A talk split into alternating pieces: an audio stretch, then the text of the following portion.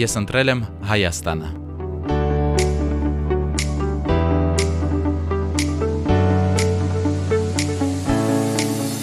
Աշխարի տարբեր անկյուններում բնակվող հայերը հզոր ուժ են Հայաստանի համար։ Հայրենիքում ապրելը, զբոսաշրջիկից Հայաստանի քաղաքացի դառնալը նրանցից շատերի երազանքն է։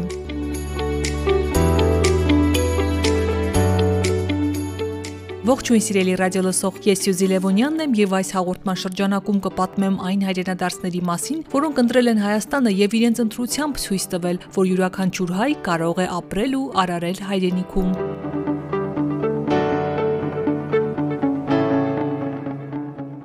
մի տարեկան եմ եղել։ Ընտանիքով գնացինք Մենացևին եկել էի Հայաստան ու պարզապես շատ գեղեցիկ էր, շատ սիրահարվեցի։ Պատերազմը որ սկսեց, որոշեցի որ գամ կամավոր։ Մի մարդ ամեն ինչ չի կարողանի, բայց եթե մենք բոլորս կարողանանք իրար հետ աշխատենք, բոլոր մեր օգնությունները ամեն ինչը անվճար է։ Առաջնագծի հոգեբան հասկում որ օգնում էի, հասկացա որ անհնարին է որ ես վերադառնամ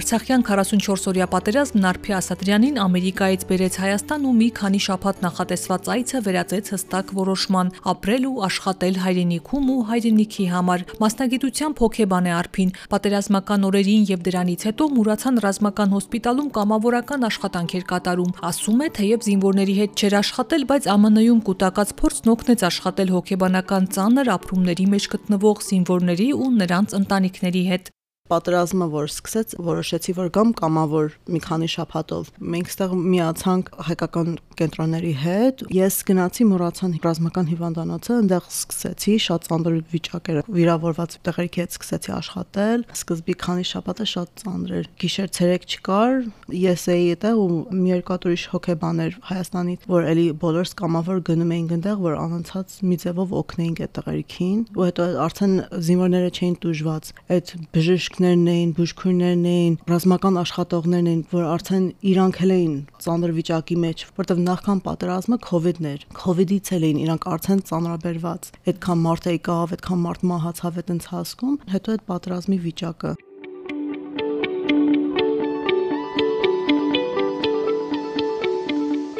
Պատերազմի ավարտից հետո հոգեբանական աջակցության կարիք ունեցողների թիվը գնալով ավելանում էր։ Արփին փորձում էր օգնել բոլորին ու եթե ոչ խորքային լուծել, ապա գոնե թեթևացնել պատերազմի թողած հոգեբանական ու ֆիզիկական հետևանքները։ Այդ օրերին որոշեց ստեղծել առաջնագծի հոգեբաններ հասարակական կազմակերպությունը։ Տարբեր երկրներից հրավիրեց մասնագետների, որոնք սկսեցին աշխատել հաշմանդամություն ունեցող զինվորների, ворթեկորույս մայրերի ու անհայտ կորած զինծառայողների ընտանիքների հետ։ Մեր հկն կամած կամած փոխվել է այս երկու տարվա ընթացքում, ոնց պետք է եղե ժողովրդի մենք այտենց փոխվել ենք։ Առաջ դե հիվանդանոցներում ենք գնում, քանի որ զինվորները ընդ պարկած էին, իրանց բուժումն էին ստանում։ Հետո կամած կամած այդ իրանց բուժումները որ վերջացավ, արդեն դուրս էին գժվում կամ դեբիտուն կամ հետ ծառայության։ Նախանցյալ նոյեմբեր որոշեցինք կենտրոն բացենք, օֆիս բացենք, որ կարողանանք իրանց արդեն ընդունենք մեր մոտ։ Հիմա այս ընթացքներում մենք օգնել ենք վիրավորված զինվորներին, զոհված զինվորների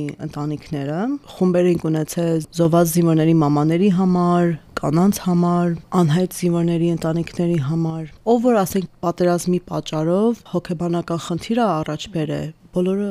կարող են դիմեն։ Երկու տարի հասարակական կազմակերպությունը գործում է, զինվորների կամ նրանց ընտանիքների մոտ հաջողվել է փոխել այդ հոգեբանական ցաներ վիճակը։ Այո, այո, շատ մեծ փոփոխություն ա լինում։ Հենց այդ առաջի անգամ, որ զինվորը գայս է մեզ դիմում է, տեղեկ ասում ենք թե ինչ է կատարվում իր հետ, ինչեր է ինքը զգում եւ ինչու է այդ բաները ինքը զգում, հենց դա մի հատ մեծ ոնց որ շունչ է քաշում, որ օ, այս ինչ որ զգում եմ նորմալ է, քանի որ շատ աննորմալ վիճակից եմ դուրս եկել։ Ինչ որ ինձ կատարվել է, այս հիմա դրա հետևանքն է ու էդի արդեն շատ մեծ փոփոխություն է բերում իրան, որտեվ զգում եմ որ օքեյ, նշանակում է մի բան կարելի է ես փոխեմ։ Այսպես կարիք չունեմ ես միշտ տարապեմ։ Մենք շատ փոքր փոքր խումբ ենք, բայց մեզնից շատ մեծ-մեծ բաներ ենք փորձում անենք։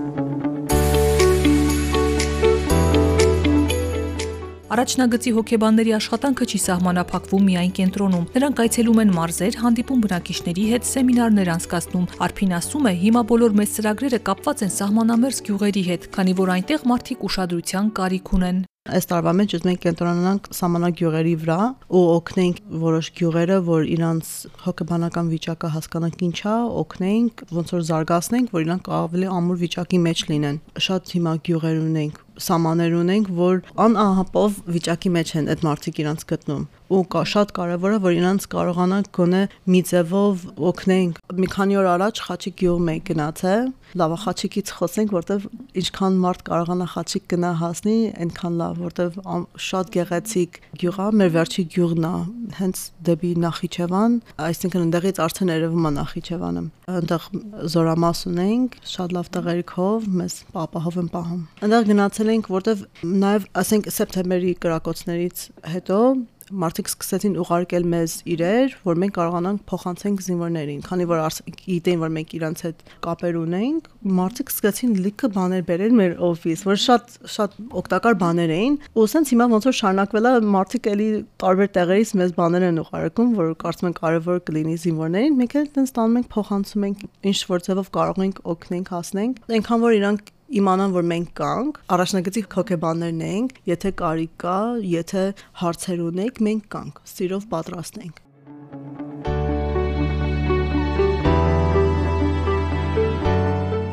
Արփին հաճախ է ճամփորդում, ուզում է ճանոթանալ հայրենի բնության գողտրի կանկյուններին, քանի որ բնության գրկում հայտնվելն ամենալավ թերապիան է։ Պատմում է, որ 1 տարեկան էր, երբ ընտանիքը տեղափոխվեց ԱՄՆ եւ Հայաստանի հետ կապված բոլոր հիշողությունները ձևավորվել էին ծնողների պատմածներով ու նկարներով։ Միշտ մտածել է, որ հասուն տարիքում կտեղափոխվի Հայաստան, բայց որ այսքան շուտ կգար այդ օրը, երբեք չէր պատկերացրել։ Առաջի անգամ 19 թվին եկել էի Հայաստան ու պարզապես շատ գեղեցիկ էր, շատ սիրահարվեցի երկրի, շատ ուրախ էի, բայց միտք չունեի, որ այսքան շուտ հետ կվերադառնամ ու կապրեմ Հայաստանում։ Դե սկզբից դե պատերազմը որ սկսեց, այդ վաղ որոշեցի, որ գամ կամավոր մի քանի շաբաթով։ Միտք չկար, որ գայի մնայի, որտեվ այդ պատերազմի վաղտ էր, տենց ամեն ինչ արագի մեջ որոշվեց։ Ընտանիքիս կեսը շատ ուրախ էին, ընտանիքի կեսը շատ դեմ էին, տենց ամդե վախից էլի մտածում եմ, որ հանգարց մի բան չլինի, վտանգի մեջ չլինեմ, բայց տենց եկա Հայաստան, հասկացա հոգեբանությունը այստեղ ինչ կա, ինչ ռեսուրսներ կան, ով է ինչ անում, հասկացա, որ անհնարին է, որ ես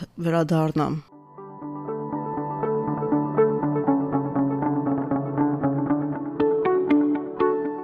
Հայերը սիրում են շփվել, ջերմ ու հոգատար են, ասում է Արփին ու պատմում, որ ԱՄՆ-ում հաճախ խորը սկսվում եւ ավարտվում էր աշխատանքով։ Այստեղ շատ ընկերներ է ձեռք բերել հանդիպել ընտրյալին, որն ի դեպ 4 տարի առաջ է եկել Սիրիայից։ Նրանք պատրաստվում են ընտանիք կազմել ու ապրել Հայաստանում։ Արփին փորձում է օգնել բոլորին, գրանցած փոքրիկ հաջողություններով ողջևորվում ու աշխատանքը նոր թափով շարունակում պատերազմի էին մասնակցել, ծառայությունը վերջացրեցին, հիմա տունն են։ Չեն կարողանում աշխատեն, չեն կարողանում գնան ուսումը շարունակեն, չեն կարողանում ընկերուհի պահեն, որտեվ իրանց հոգեվիճակը այն չի, նույնը չի։ Ու ծնողը ասում է, այս երեխաս նույնը չի, ուրիշ մարդ է դարձել։ Հետո եթե տեսնես այս մեկը, որ տարապում է ու չի կարողանում կյանքը առաջ տանի, ու մեր աշխատանքով, մեր խոսքերով, մեր օգնությունով մենք կարողանում ենք այստեղին հետ վերադարձնել դեպի կյանք, ով չի անի։ Դա մոտիվացնում է, այո, որտեվ հիմա տեսնում ենք այդ տղերքի հետ, որ մենք սկսել ենք աշխատել անցյալում, հիմա համասարանում լավագույն շարունակում են աշխատանքները նորմալ գնում են, ամուսնանում են, ասենց լավ փոփոխություններ որ տեսնում ես, դա ուժատալի որ մենք շարունակենք որ ինչքան կարևոր է մեր գործը, որտեվ չեմ ուզում փոքրացնել մեր աշխատանքը, բայց մեր փոքր աշխատանքով ինչքան մեծ փոփոխություն կարող ենք ստեղծենք ու ոնց չանենք այդ Արփին ցանկանում է, որ սփյուռքահայ երիտասարդները հաճախ այցելեն հայրենիք, ներգրավեն տարբեր ծրագրերում նոր գիտելիքներ ձեռք բերեն կամ իրենց փորձը փոխանցեն։